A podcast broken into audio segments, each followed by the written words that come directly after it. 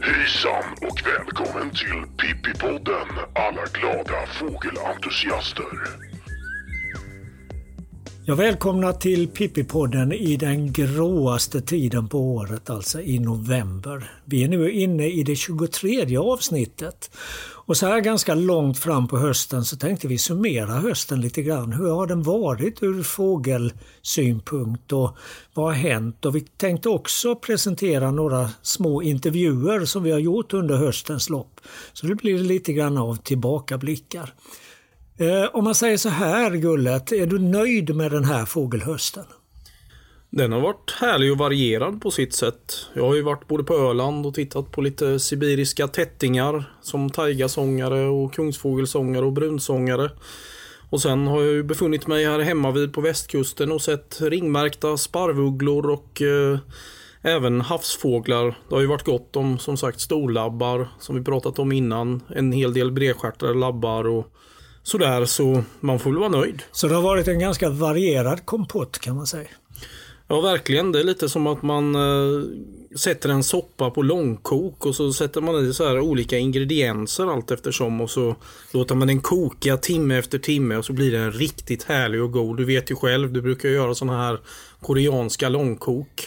Ja, men det kan ju också bli överkokt ibland. Ja, fast det handlar väl mest om potatis och pasta då kanske. ja, nej jag tycker inte heller att den här hösten har blivit överkokt utan det, det, har blivit en väldigt smaklig anrättning av med alla de här ingredienserna som du nämner. Jag har visserligen inte varit ute och rört mig så mycket mer än ner till Falsterbo då i början av hösten. För första gången på ganska många år har jag faktiskt inte varit på Öland i år. Och det, det saknar jag lite grann måste jag säga. Men eh, å andra sidan så har det varit ett fint utbyte här på västkusten också, även när det gäller en del sådana här östliga fåglar. Nu fick ju inte vi se det, men Halland fick ju sin första blåstjärt nu häromdagen i form av en ringmärkt fågel på, på Nidingen. Och det, är, visst, det, det har varit en blandning och, och väldigt trevligt och ganska mycket fågel också. Ja, du har ju jobbat med fågelåret 2017 en hel del och det är väl 26 året i rad du håller på med det. Och men samtidigt så har du ju faktiskt haft lite matjord i fickorna som du alltid har haft mer eller mindre. Hittat en eh, spetsbergsgrissla från köksfönstret och... Nej, det var faktiskt från sovrumsfönstret. Jag måste rätta dig. Ja, förlåt. Nu sitter vi ju i vårt sovrum så det var väl det som gjorde att... det blev för mycket sovrum tänkte du? Ja. Nej, men det, det var ju roligt. Jag, jag har ofta min uh, tubkikare uppställd antingen i, i köket eller i sovrummet. Och med brytningsfritt eh, glas i fönsterrutorna så blir det ju väldigt bra förhållande för man slipper ju alla skakningar som vindstötar och annat orsakar. Och man kan verkligen koncentrera sig på det man ser. Och plötsligt så låg det ju alltså en, en grissla eller en alka ska jag säga strax utanför stranden vid Grötvik som eh, jag gav ett sånt eh, liksom, tveeggat eh, intryck. Ena stunden såg den ut som en tårdmula, andra stunden som en sillgrissla. Och jag fick liksom inte ihop det. Utan var tvungen att eh, hals över huvud kasta mig ner för trappan och ut i bilen och köra de där 700 meterna ner till stranden. Och där låg alltså en spetsbergsgrissla. Men tyvärr flöt den iväg och ja. eh, inte så många andra han ser den men det kommer fler. Mitt, mitt, intryck var att den här fågeln var oljeskadad även om jag inte kunde se någon olja för den höll på att putsa sig hela tiden. Och den drev också med strömmen, eller med vågorna rättare sagt, så att den drev ur synhåll efterhand. Va? Och lagom till när de första skådarna anlände. Men jag tycker, ska man prata om matjord i fickorna så var det väl ännu mer av den varan när jag hade besök av två fågelskådare från Västmanland, från Västerås, som jag hade lovat guida en förmiddag. Och det var en sån där grå dag då det blåste snålt från öster och det var inte mycket fågel i luften alls. Ganska lågt i tak och det var nästan så att regnet hängde i luften. Och vi stod vid Grötvik där det tidigare på hösten då var ett väldigt fint fågelsträck men just den här dagen på senhösten så rörde sig nästan ingenting. Men så plötsligt så började kråkorna föra oväsen kring en tall en bit bort. Och när jag tittade ditåt så flög det ut någonting från tallen. Och det visade sig vara en hökuggla. Vad jag vet den första och kanske hittills enda hökuggla som har sett söder om Mälardalen den här hösten. Vi hade sen tur och återfann den här hökugglan inne i en björkdunge och fick bilder på den och flera utav eh, de skådare som fanns i närheten hann också dit och fick se den. Den var där bara en förmiddag, sen försvann fågeln. Men, men det där var ju en mycket märklig upplevelse. Ja, det var det ju verkligen. Det ju, man brukar ju se invasionstendenser redan i augusti-september på hökugglor om de är på gång och det har vi inte sett överhuvudtaget nu. För ett par år sedan så hade vi ju en som var i nästan ett halvår här utanför stan. Ja, men om hökugglorna i stora delar av Sverige i alla fall har lyst med sin frånvaro så har ju sparvugglorna varit desto talrikare. Det är ju roligt varje år för det är ju en fantastiskt fascinerande fågel. Ja, det har ju fångats en hel del sparvugglor runt om i landet och vi har fångat två stycken i Grötvik på vår helt vanliga ringmärkning. Samtidigt som vi har fångat taigasångare och detta har hänt vid två ringmärkningar ganska tätt in på varandra. Och det, tror, det är ganska osannolikt på något sätt. I princip i samma nätrunda. Men, men när det gäller sparvugglor så är det väl ändå Hammarö fågelstation i Värmland som står i en särklass. Ja, har de tagit över hundra stycken i år? Eller? Jag tror det. De är nog en bra bit över hundra. Och på tal om Hammarö så var det ju en väldigt rolig grej med ett antal stjärtmesar som fångades i Grötvik utanför Halmstad. Det var väl 8-9 stycken. Och i en rak ringserieföljd kunde man läsa av att de var ringmärkta tidigare på Hammarö uppe i Värmland, alltså utanför Karlstad. Hur lång tid tog det för dem att ta, ta sig från Värmland till Halmstad? De ringmärktes ju där uppe den 18 oktober och sen fångades de i Grötvik den 28 oktober. Och när vi pratar om Värmland så kan vi ju inte låta bli att nämna att Fåglarnas fågel, i alla fall för alla raritetssugna skådare, dök upp just i Värmland Äntligen kan man säga. Helt klart och dessutom på en fredag eftermiddag var det väl om jag minns rätt. Och då blev det ju jubel och klang i skådamarkerna tills man fick höra att det inte var möjligt att komma in där. Men vad är det vi pratar om för någonting? Vilken är fåglarnas fågel? Rubinäktergal som har varit efterlängtad i kanske 50 år bland Sveriges fågelskådare. Ja, det är lite märkligt egentligen att denna fågel som visserligen är väldigt vacker med sin röda strupe och sin ljusa och svarta teckning i ansiktet, att den har fått ett sådant rykte, fått en sån nimbus eller vad man ska säga. Den är ju otroligt färgstark. Det är, det, det är väl det som lockar folk. Ja, färgstark, men det är ju med, ja, jag vet inte om det är rätt uttryck, för det färgstarka sitter ju bara på haklappen på den. Ja, det kanske, det, det kanske räcker.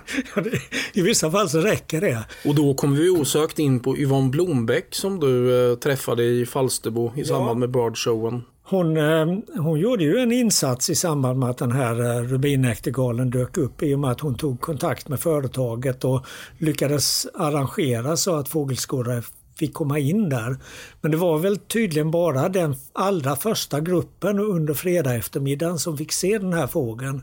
De följande grupperna på fredag eftermiddagen och sen alla de som kom på lördagen, de eh, dippade ju som det heter. Jag pratade med en skådare som eh, sa att han fick ju se den här rubinäktergalen och lyckades dokumentera den men han hade sprungit ner för en slänt med mer eller mindre livet som insats för att få bilder på den här fågeln. Och men på lördagmorgonen så kom det ju sen in ett eh, snöområde söderifrån och det blåste väl en ganska kall nordlig vind. Så man kan ju tänka sig att den rörde på sig eller helt enkelt gick till de sälla jaktmarkerna.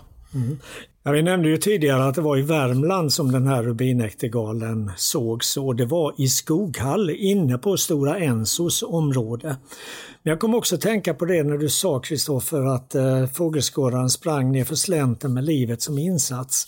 Att det var lite grann det intrycket jag hade också när jag skulle intervjua Yvonne Blombäck tidigare i höstas. Det var nere i samband med Falsterbo Bird Show. Som kvinna gav hon ju sig in och blev ordförande i den väldigt manliga bastion som Klubb 300 har i alla fall varit. Och Man kan ju tycka att det är lite grann att ge sig in i någonting med livet som insats men jag tror inte att Yvonne såg det så. Vi kan väl lyssna till vad hon sa. Vill man mingla med fågelskådare då ska man ta sig till Falsterbo första helgen i september. Då är det Falsterbo Bird Show. Då träffar man fågelskådare från i stort sett hela landet. Och nu har jag träffat Yvonne Blombeck. Hon är ordförande i Klubb 300. Redan, redan det här att du som tjej är ordförande i den grabbigaste av grabbiga föreningar, hur hänger det ihop? Ja, jag blev ju tillfrågad eh, på ordförandeposten redan till ordinarie årsmötet 2017. Men eftersom jag då inte hade 300 kryss och jag dessutom då skulle ha blivit klubbens första kvinnliga ordförande så kände jag att det var lite förmätet. Så jag sa att nej, inte riktigt, men jag kan tänka mig att gå in i styrelsen, helt okej. Okay. Eh, för jag är en fru strukturnörd. Eh, jag har styrelsecertifikat, eh, långvarig erfarenhet av styrelsearbete, tycker det är jättekul och så såklart är jag ju fågelskådare och jag kryssar. Så det var väl liksom de eh, aspekterna som gjorde det hela. Så vi hittade ju ingen, det fanns ingen ordförandekandidat på det årsmötet så att eh, där blev det ett hål. Men eh, jag är ju som jag är så jag satte igång och jobbade utifrån eh, som jag gör. Eh, så det tog faktiskt bara en månad så sa mina styrelsekollegor att nej men vi skiter i att du inte har 300 kryss, ta uppdraget. Så gick det till. Så till det extra årsmötet som då var under Kristi himmelfärdshelgen i Ottenby som vi har våra aktiviteter då hade vi ett extra årsmöte och då sa jag att okej, okay, jag ställer upp, så då blev jag vald.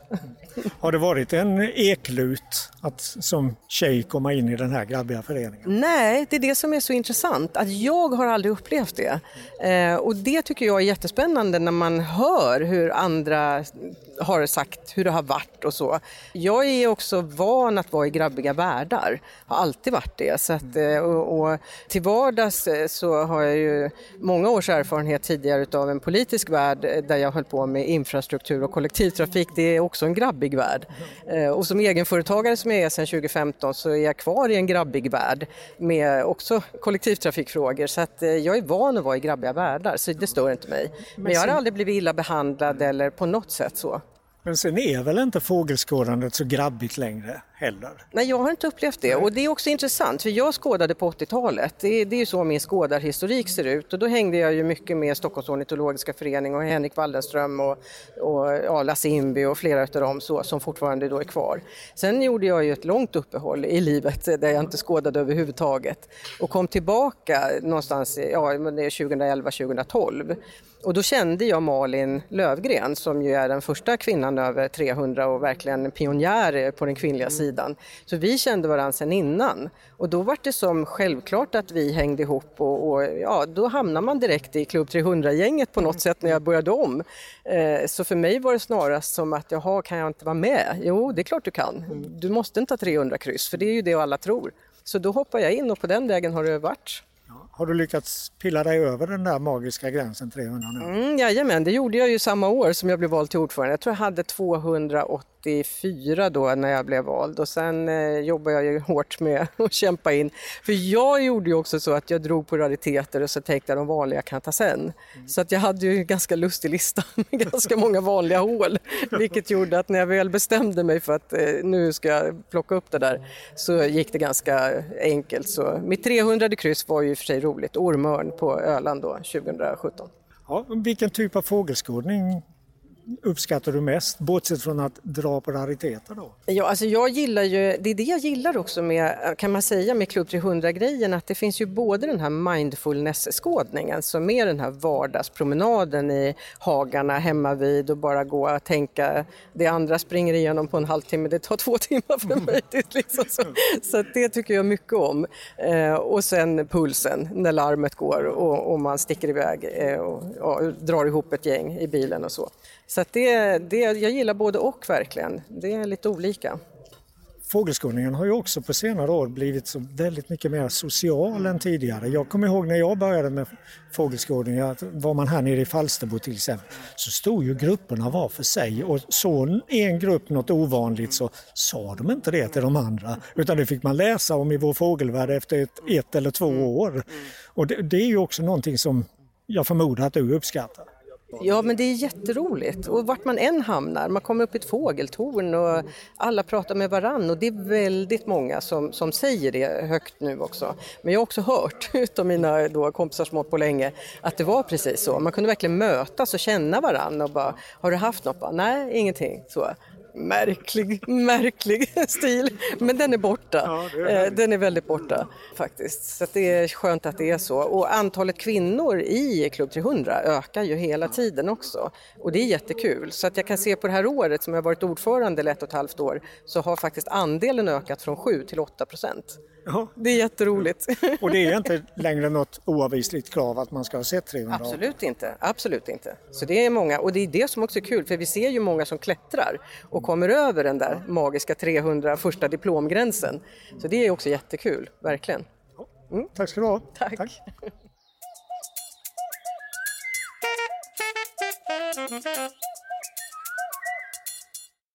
Ja, ni som lyssnar på Pippi-podden nu, ni kan naturligtvis inte se det, men jag sitter faktiskt just nu och viftar med en kungsörnsfjäder. Känner ni den eller hör ni den? Denna fjäder kommer från en av örnarna vid en av våra sydsvenska häckningsplatser och jag samlade in den i samband med ringmärkning av en unge i boet häromåret. Och anledningen till att jag har plockat fram den här fjädern nu det är en artikel på Dansk ornitologisk förenings hemsida. Den artikeln handlar om att analys av DNA i just kungsörnsfjädrar dels kastat nytt ljus över en mårdgåta och dels är på väg att teckna ett stamträd över hela den i och för sig lilla men ändå danska stammen av kungsörn. Den består för närvarande av fem häckande par, samtliga är på Jylland. På våren 2016 hittades en död kungsörn vid stranden av Limfjorden uppe i norra Jylland. Den här örnen hade varit död en längre tid, flera månader, men det visade sig ganska snart att den var skjuten och att den var skjuten med hagel, dessutom från ganska nära håll. Nu har analys av DNA i dess fjädrar visat att den här skjutna örnen det var hannen i ett par som 2015 häckade framgångsrikt i Tofteskog vid Lille Vildmåse på Jyllands östkust, ganska långt ifrån den platsen där den hittades. Och Den här örnhannen han kom själv från en annan häckning i, på en plats som heter Hals Nödeskov, även det på Jylland alltså. Och Det är den danska örnforskaren Anders P. Töttrup som gör de här analyserna. Han har hittills analyserat 80 av drygt 800 insamlade kungsörnsfjädrar från de danska häckningsplatserna. Och det har han gjort genom att extrahera DNA från fjädrarnas spole. De analyser som har gjorts visar på ganska stora skillnader i olika kungsörnsrevir. Medan fåglarna i paren i Höstermarksskov och Halsnörreskov varit de samma under flera år. Alltså hannen och honan har varit väldigt stabila och levt i ett långt äktenskap på båda de här platserna. Så har kanske upp till åtta olika individer varit involverade i häckningarna i Tofteskog. Där har alltså fåglarna bytts ut med jämna mellanrum av någon anledning. Och förutom att kunna upprätta ett snart sagt fullständigt släktträd över de danska kungsörnarna så hoppas forskaren Anders P Töttrup också kunna lösa gåtan om varifrån de danska kungsörnarna kom. De här örnarna invandrade till Nordjylland och slog sig ner där i slutet av 1990-talet. Ungefär samtidigt som det etablerade sig kungsörnar i både Skåne och Halland. Och för att komma vidare i det här detektivarbetet behövs nu fjädrar även från norska, svenska och tyska kungsörnar. Sådana lär ha levererats eller är på väg och det ska bli mycket, mycket spännande att om sidor få reda på resultatet av de här efterforskningarna. När vi ändå är inne på det här med kungsörnar så kan vi också ta ett steg tillbaka i tiden, tillbaka till Falsterbo Bird Show. En av föreläsarna där var Bert-Ove Lindström från Boden. Han har ju jobbat väldigt mycket med rovfåglar uppe i den norra fjärdedelen av Sverige, alltså i Norrbottens län. Det handlar om kungsörnar och havsörnar men också om pilgrimsfalkar och jaktfalkar. Och utvecklingen för de här olika arterna är rätt så olika.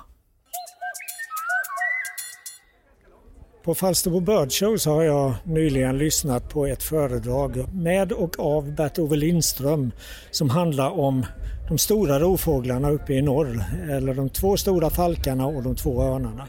Alltså du pratar om pilgrimsfalk, jaktfalk, havsörn och kungsörn. Och är det rätt att säga att du är lugn och tillfreds med situationen för två av dessa arter, men du är desto mer oroad för de andra två? Ja, det är en bra sammanfattning av det jag pratar om i 35 minuter. Och de som jag är nöjda med och som vi alla tror jag upplever som fågelskådare, det är ju att pilgrimsfalkar och havsörnarna blir fler och fler. Och det är likadant uppe i Norrbotten också. Det går väldigt bra för dem alltså? Ja, de ökar och de kommer till, vi ser att utbredningsområdet ökar och kullstorlekar är bra och sådär. Vi får bara mer och mer jobb att kontrollera men, men det är ju en glädje och samtidigt en, väldigt, det är ju en naturvårdsseger att de här återkommer. Innan vi går in på de två som du är oroad för så måste jag ju säga att det är ju grymt imponerande det arbete ni gör. För det är ju en fjärdedel av Sverige som ni eh, jobbar med. Ja, jo, det, det är stort och vi är inte så många men vi har fått jobba fram lite resurser också och vi utnyttjar ju helikopterinventeringar för annars skulle inte det gå att genomföra. För vi har så stora områden som är väglösa. Och det, det är ju anledningen till att vi kontrollerar så pass många revir, det är ju just att vi har fått ekonomiska medel att kunna genomföra det. Och när det gäller pilgrimsfalk så är det inte bara de där naturliga häckningsplatserna som de finns vid nu. När, när de ökar så etablerar de sig på lite nya platser. Ja, det där är ju spännande och också en anledning till att vi har fått ekonomiska resurser i och med att vi har ett samarbetsavtal med LKAB. Det är de gamla gruvorna i Malmfälten som och vi har alltså fem lokaler där som det har varit häckning de sista, de sista fem åren, något av åren. Och vi har det tätaste mellan två häckningar i Norrland, det är på, i Malmbergets gruvområde. Där är det alltså två kilometer mellan lyckande häckningar och det är, det är ju häftigt. Och det är inte bara i de här gamla öppna gruvorna utan det är andra industrimiljöer också. Ja, vi börjar få i bergtäkter och sen har det kommit också och sen har det också efter Luleälvens i Vattenfalls vattenkraftstationer mm. i anslutning till dem, det är ju sprängt och det liknar ju branter och det ligger nere i älvdalarna med säkert lite mer gynnsamt klimat och sen är ju älvdalarna är ju som sträcklokaler och sådär. Jag tror det är väldigt bra för födo Sök. Maten, maten, ja, maten kommer flygande ja, som ja, stekta sparvar. Ja, nära nog. Så.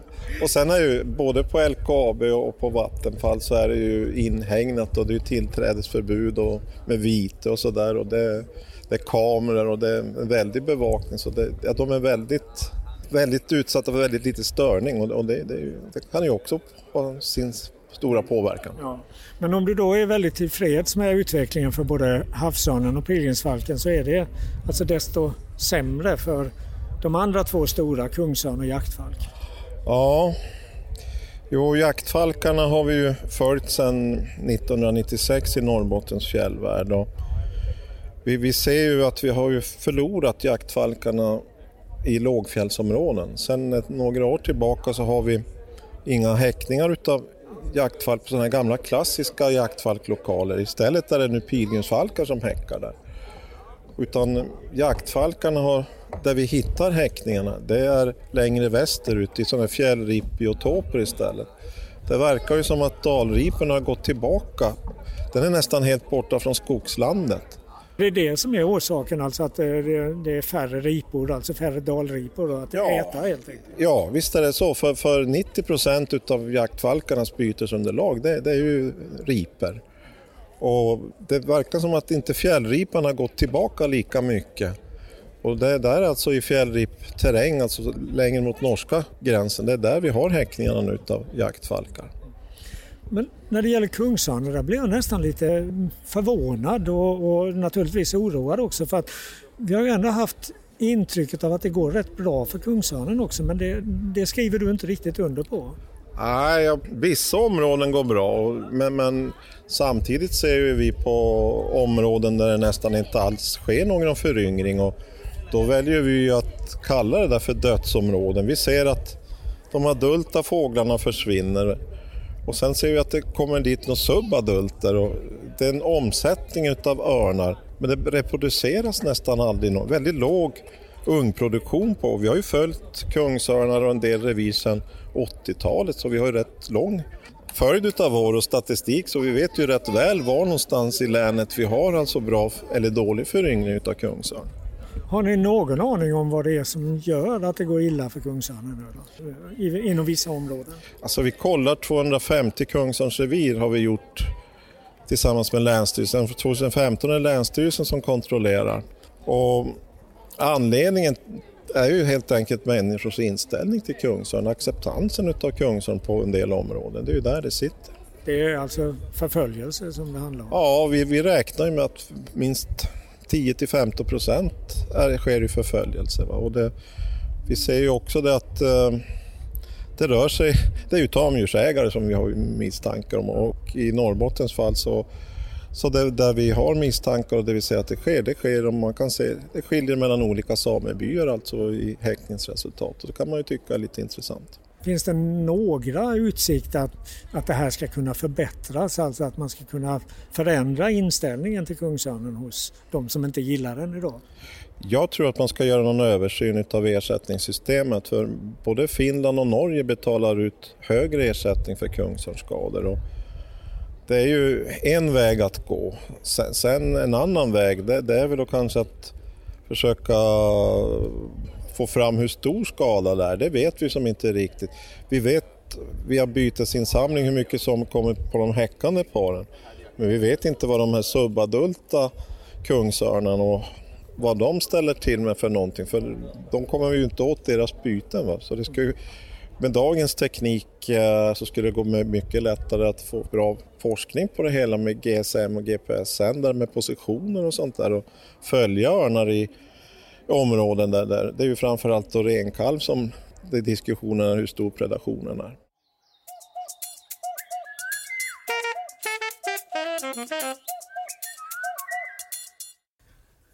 Vi pratade ju tidigare i den här omgången av Pippi-podden om rubinäktergalen som dök upp inne på Stora Ensos område i Skoghall i Värmland. Och vi hade ju faktiskt lite grann av samma problematik här i, i Halmstad tidigare i höstas när det dök upp en härfågel inne på LV6 område. Det var ju inte så populärt bland militärerna att eh, fågelskådare gick där och spanade in i eh, deras övningsområde. Nej, det är ju skyddsobjekt och då får man inte fotografera någonting. Och problemet är att när det dyker upp en härfågel, nu hittades ju inte den här fågeln i och för sig, men då blev militären väldigt misstänksamma på att många kom dit med långa objektiv och helt plötsligt letade efter den här fågeln. Så då fick folk verkligen förklara sig och de blev ju misstänksamma. Råkar du själv ut för, för det här? Ja, det var vid något tillfälle jag hade parkerat bilen utanför där och så råkade jag ha mitt 400 objektiv hängandes på ryggen då när jag gick och letade efter fågeln. Men eh, jag hade ju egentligen inte tänkt fota den om det dök upp på området men det var ju, det hängde där ändå. Och då råkade militären ha någon övning eh, i samband med det här. Det var väl massa engelsmän som skulle åka upp i konvoj till Norge eller vad det var och det var extra mycket koll på plats från militären. Så helt plötsligt när jag skulle åka därifrån då kom en sån här gammal minibuss från 90-talet eller vad det var och körde fram som det stod skyddsvakt på. Så kom de ut och förhörde mig och jag kunde ju förklara mig och visa bilder och även prata om det här larmet och sånt där. Och till slut så slutade det ju faktiskt med att de ville ha mitt nummer för att de skulle ringa mig om den skulle ses. Så det är alltid intressant hur man kan vända i en diskussion sådär från allvar till glädje eller vad man ska säga. Ja, men det var ju tur att det blev så, att de inte burade in dig som någon misstänkt rysk spion eller så. Nej, jag tror de fattade grejen. Nu hittades ju inte den här fågeln igen. Dock så hittades det ju en senare i Haverdal och även en utanför Åled. Så det har ju faktiskt setts tre härfåglar här i år. Just den här fågeln som hade varit inne på LV6 område, den dök ju sen upp på bilder från något villakvarter strax där intill. Så den, den hade ju setts men fortfarande av icke-fågelskådare. Och det där är ju lite roligt med härfågel för att jag går tillbaka och tittat på en massa fynd av härfågel från våra trakter i Halland. Och det verkar som att de allra flesta, mer än 90 procent av alla härfåglar hittas av icke-fågelskådare. Så är det säkert. Och när man tänker på hur stor procent av härfåglarna som hittas av icke-skådare så kan man ju fundera över hur väldigt många rariteter av andra slag som finns här men som vi aldrig ser. Men som kanske vanligt folk ser men inte reagerar på. Ja, För de ser ju inte ut som indianhövdingar. Nej, det är väl svårare att skilja ut en bekindad skogstrast än en härfågel. På tal om en annan förening som fått en ny ordförande är ju din gamla arbetsplats får man väl säga. BirdLife Sverige ja. Och eh, Lotta Berg som är den första kvinnliga ordföranden i den föreningens drygt 70-åriga historia. Även Lotta träffade jag nere i Falsterbo i samband med Falsterbo Bird Show för att höra lite grann om hon, hur hon ser på framtiden för BirdLife Sverige och för fågelskyddsarbetet. Lotta Berg, nu har du varit ordförande i BirdLife Sverige i några månader och börjat bli lite varm i kläderna om man får säga så. Hur, hur känns det att komma in som tjej i en traditionellt så manlig värld som fågelskådning har varit? Ja, men det känns väl alldeles utmärkt och det, det är just den aspekten är väl inte den stora utmaningen. Där skiftet från att vara mansdominerat till att bli mer jämn könsfördelning har ju varit på gång länge. Det är inget dramatiskt utan en, gradvis förändring och som jag tror är, rolig för alla inblandade faktiskt. Men ser man det i ett lite längre perspektiv från 70-talet och framåt så är det ju en väldigt stor förändring. Jag tittade en gång på andelen kvinnor bland de som kom nya som medlemmar i, Sveriges ornitologiska förening som det enbart hette på den tiden. Och det var i början på 70-talet och det var mindre än 1 procent. Nu de senaste åren så är det väl nästan 50-50 Ja, och sett ur ett, ett 50-årsperspektiv så är det en dramatisk förändring. Och det, det speglar väl förändringar i samhället i stort och, och är verkligen något som, som är positivt för, för hobbyn. Jag tror att det är en överlevnadsfråga. Nej, men det, ju, det, har ju blivit så mycket roligare, socialt att skåda fågel också. Tror du att det beror på kvinnorna? Det är väl en del i förklaringen. Jag tror inte att det är så enkelt som att det är hela förklaringen. Men ja, det, det är på något sätt kanske lite mer avspänt, det är inte lika tävlingsinriktat. Och, och det är mer okej okay att vara nybörjare, att eh, ha fel ibland och sådär. Mm. Och, och, det tror jag är positivt även för grabbar, killar och män i, i, inom fågelskådningen. Mm. Om vi då ska gå över till lite mer allvarliga saker. Eh, det är ju en hel del utmaningar att jobba med när det gäller fågelskydd. Vad, vad är de viktigaste frågorna som du ser det? Ja, de är flera. E, exploateringar är en sån fråga. Då är det inte bara vindkraft vi pratar om, även om den har fått mycket fokus just den frågan, utan generellt, vad gör vi med, vart tar skogen vägen, vart tar stränderna vägen, hur bygger vi, hur påverkar mänskliga aktiviteter av alla handa slag fåglarna, allt, allt ifrån elledningar till gruvdrift. Eh, väldigt mycket sånt som vi behöver jobba stenhårt med för att någon måste så att säga vara på, på fåglarnas sida i detta. Sen finns det ju havsfrågorna är stora just nu. De, våra sjöfåglar, havsfåglar, skydd för övervintringsplatser, flyttvägar och så vidare. Det här är ju en gränslös fråga på många sätt. Fåglarna känner inga nationsgränser och det kan inte heller vårt arbete göra. Men får BirdLife Sverige någon respons hos politiker och tjänstemän inom olika förvaltningar för de här frågorna? Eh, ja, det tycker jag att vi får. Sen klart att det varierar. Ibland så känner man väl att man stångar sin panna blodig men det har faktiskt effekt det vi gör, annars skulle man inte orka hålla på. Vi har ju både duktigt folk anställda som ägnar hela dagarna åt detta men också otroligt många ideella krafter, inte bara på nationella planet utan ute i regionalföreningarna som lägger väldigt mycket tid och kraft på fågelskyddsfrågorna och det gör skillnad. I somras så var jag i Almedalen och lyssnade på ett av många, många seminarier där och det handlade om artutdöende. Och då var det en företrädare från Artdatabanken som hävdade att svenska politiker har en blind fläck och det är biologisk mångfald. Håller du med om det?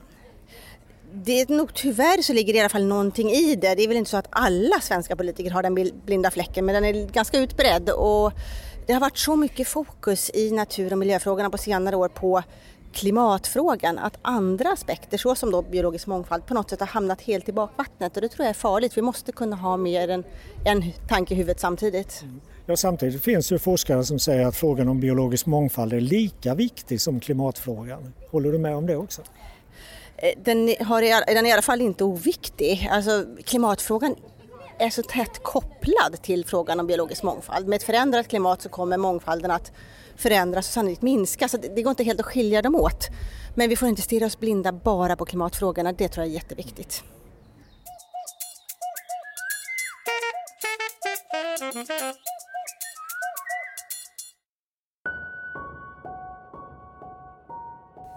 Hela våren hoppades jag få se jordugglan i hemmamarkerna och under den varmaste sommaren någonsin glömde jag bort den. Sedan kom hösten. September med hårda vindar. Dansande klykstjärtade stormsvalor och vågkammar över böljanden blå. Bredstjärtade labbar på klappavstånd och stormfåglar, sulor, gråliror och mängder av storlabbar semestrade i bukten här nere. Jag hoppades på petrell, albatross och större lira. Jag slutar aldrig att hoppas. Oktober kom. Kör en vända och hör Cecilia Udén på radion om krisen i Kairo. Hon är så bra. Byter kanal därefter. Prince med Purple Rain har börjat. I never meant to cause you any sorrow. I never meant to cause you any pain. Kommer in på en gammal väg mellan ett brunt nyplöjt fält och ett grönt mitt emot. Purple rain, purple rain. I only wanted to see you bathing in the purple rain. Något flaxar till i den högra sidospegeln. Jag backar sakta. Kan inte få ner bakrutan med elhissen. Vågar inte veva ner den. Tiden stannar. Får ändra närgränsen på objektivet från 8,5 meter till 3,5 meter. Där sitter jordugglan på några meters håll. Jag vågar knappt röra mig. Tar några snabba foton genom rutan. Prince sjunger. Honey, I know, I know. I know times are changing. It's time we all reach out for something new. That means you too. Jordugglan har kajal och gula ögon med svarta pupiller som säkert kan se den amerikanska flaggan på månen. Det är en perfekt fågel. Orden räcker inte till.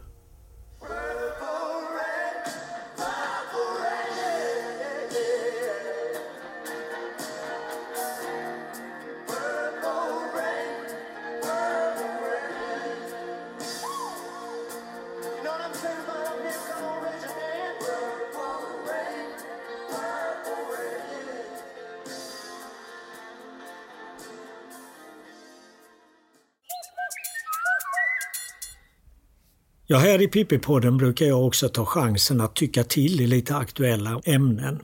Denna gången ska det handla om politikerförakt. Jag vill absolut inte spä på det politikerförakt som finns i vårt samhälle. Tvärtom är personer som engagerar sig politiskt värda respekt. Men det finns tillfällen då man får anledning att fråga sig hur det egentligen står till. Ett sådant dök upp i Aftonbladet för inte alls länge sedan. Det är EU-politikern Fredrik Federley som tror att vi ska kunna rädda Östersjön genom att skjuta bort skarvarna. Federley hänvisar till forskning men han väljer nogsamt ut sådana resultat som är till skarvarnas nackdel. Allt annat lämnar han därhän. Dessutom straffar han ut sig själv genom att påstå att skarven är en invasiv art. Han har alltså gått på myten om att de svenska skarvarna skulle härstamma från kinesiska fiskeskarvar införda av sjöfarare i slutet av medeltiden. Det finns gott om belägg att mellanskarven som det handlar om fanns i Europa långt innan européer började fara sjövägen till Kina. Så där är han verkligen ute och cyklar. Och inte nog med det. Federley hävdar också att om vi inte skjuter bort skarvarna så måste vi ersätta Östersjöfisken med importerad flygburen odlad fisk från Asien. Alltså riktigt, riktigt klimatfientlig fisk kan man säga. Och Det här är en argumentation som är så usel att den borde vara ovärdig den mest enögda skarvhatare. Östersjöns problem bottnar i helt andra orsaker än skarvarna. Och när det gäller fisket och fiskpopulationernas utveckling så måste vi också se till hur vi själva hanterar den här fisken och dess förutsättningar.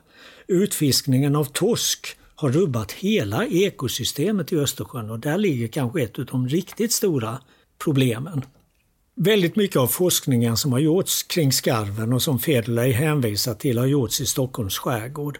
Och just i Stockholms skärgård så har byggen av småbåtshamnar, marinor och annat ödelagt ungefär 50 procent av alla grundområden, det vill säga fiskarnas barnkammare. Till detta så kommer ju all den grumling av undervattensvegetationen som följer på den allt mer ökande båttrafiken.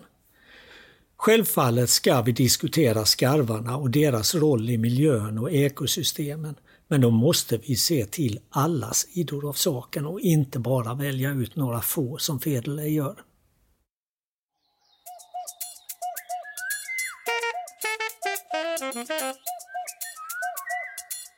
Ja, vintern börjar närma sig. Det är dags att börja mata fåglarna eller är det för milt? Vad tycker du? Ja, det kan man väl göra som man vill egentligen. Jag tror inte det spelar någon större roll för fåglarna om vi börjar nu eller om vi börjar när frosten och snön kommer det kan vi nog göra lite grann som vi själva tycker. Det, det, problem som finns när det gäller fågelmatning det är ju om man matar under eller strax inför deras häckningstid. Det har ju visat sig kunna vara negativt faktiskt. Det finns någon studie på blåmesar som visar att blåmesar som hade obegränsad tillgång till talgbollar under sin häckning faktiskt fick ett sämre häckningsresultat än de som inte hade det. Så ehm, på våren bör man kanske sluta med matningen när fåglarnas häckningsbestyr börjar ungefär. Eller strax innan dess. Men nu på hösten kan vi nog sätta igång när vi egentligen vill. Vi har ju en matning utanför panoramafönstret på Jätterön som vi fyller på rätt så ofta. Men ett tag så satt ju de här fågelmatarna ganska lågt och då kom det upp gräsänder från vattnet och sträckte på sig och käkade upp all den här fågelmaten på kanske mindre än ett dygn i 5-6 matare. Så vi var ju tvungna att höja upp dem lite nu. Så att eh, det, småfåglar kan komma och käka lite också. Men grejen med de här gräshänderna är ju roligt att de går upp i samlad tropp för en liten backe. Och sen när de ska ner från matningen då flyger de ner. Ja. De har inte varit och inhandlat någon stege eller någonting sånt eller det finns inte stegar i gräshandsbutikerna? Nej, det känns inte andaktigt nog. Men du, på tal om andaktigt så tycker jag man kan nästan uppleva en liten andaktskänsla när man nu vid den här tiden på året går ut och hämtar tidningen på morgonen. Det är ju grått, det är mörkt, det är ofta fuktigt i luften och det låter så vackert från buskagen runt omkring med pålande rödhakesång. Drillande, porlande, lite lätt silvrigt, melankoliskt och de sitter lite varstans. Ja. Du sjunger rödhakar snart sagt överallt nu. Ja, och de håller ju alltså ett slags vinterrevir där de sjunger både morgon och kväll. Det är väl så de markerar att det här området är upptaget. För man har ju väldigt sällan mer än en rödhake vid en fågelmatning. Hemma i min trädgård så händer det att det är två rödhakar men är det två så slåss de. och de har var sin matning som de försvarar mot den andra. Ja, det är något som är kanske ganska enkelt egentligen, men det är ju lite tröstande på något sätt när det blir mer gråmulet och kallt på hösten att höra en rödhake. Det behövs inte mycket mer. Kanske att någon ändrar sig över hela sin livssituation när man hör en rödhake sjunga. Vad vet jag? ja, det kan man ju alltid önska. Och det här är ju någonting som fler och fler svenskar i takt med klimatförändringarna får uppleva. Tidigare har ju vinterrödhaka varit något som har varit eh, kopplat till de allra sydligaste och sydvästligaste delarna av Sverige. Men de senaste åren så har det faktiskt förekommit att rödhaka klarat av att övervintra ganska långt norrut. Häromåret så hade vi en rödhake som klarade hela vintern uppe i Kåge i norra Västerbotten. Ja, det är ändå uppe i Skellefteå. Ja, visst. Och det det, det, är väl kanske en sån där sak som man kan se med lite delade känslor på för att det är ju klimatförändringarna som lägger grunden till det här men, men ändå det är väldigt trösterikt med rödhaka på vintern. Vi låter en rödhake avsluta det här avsnittet.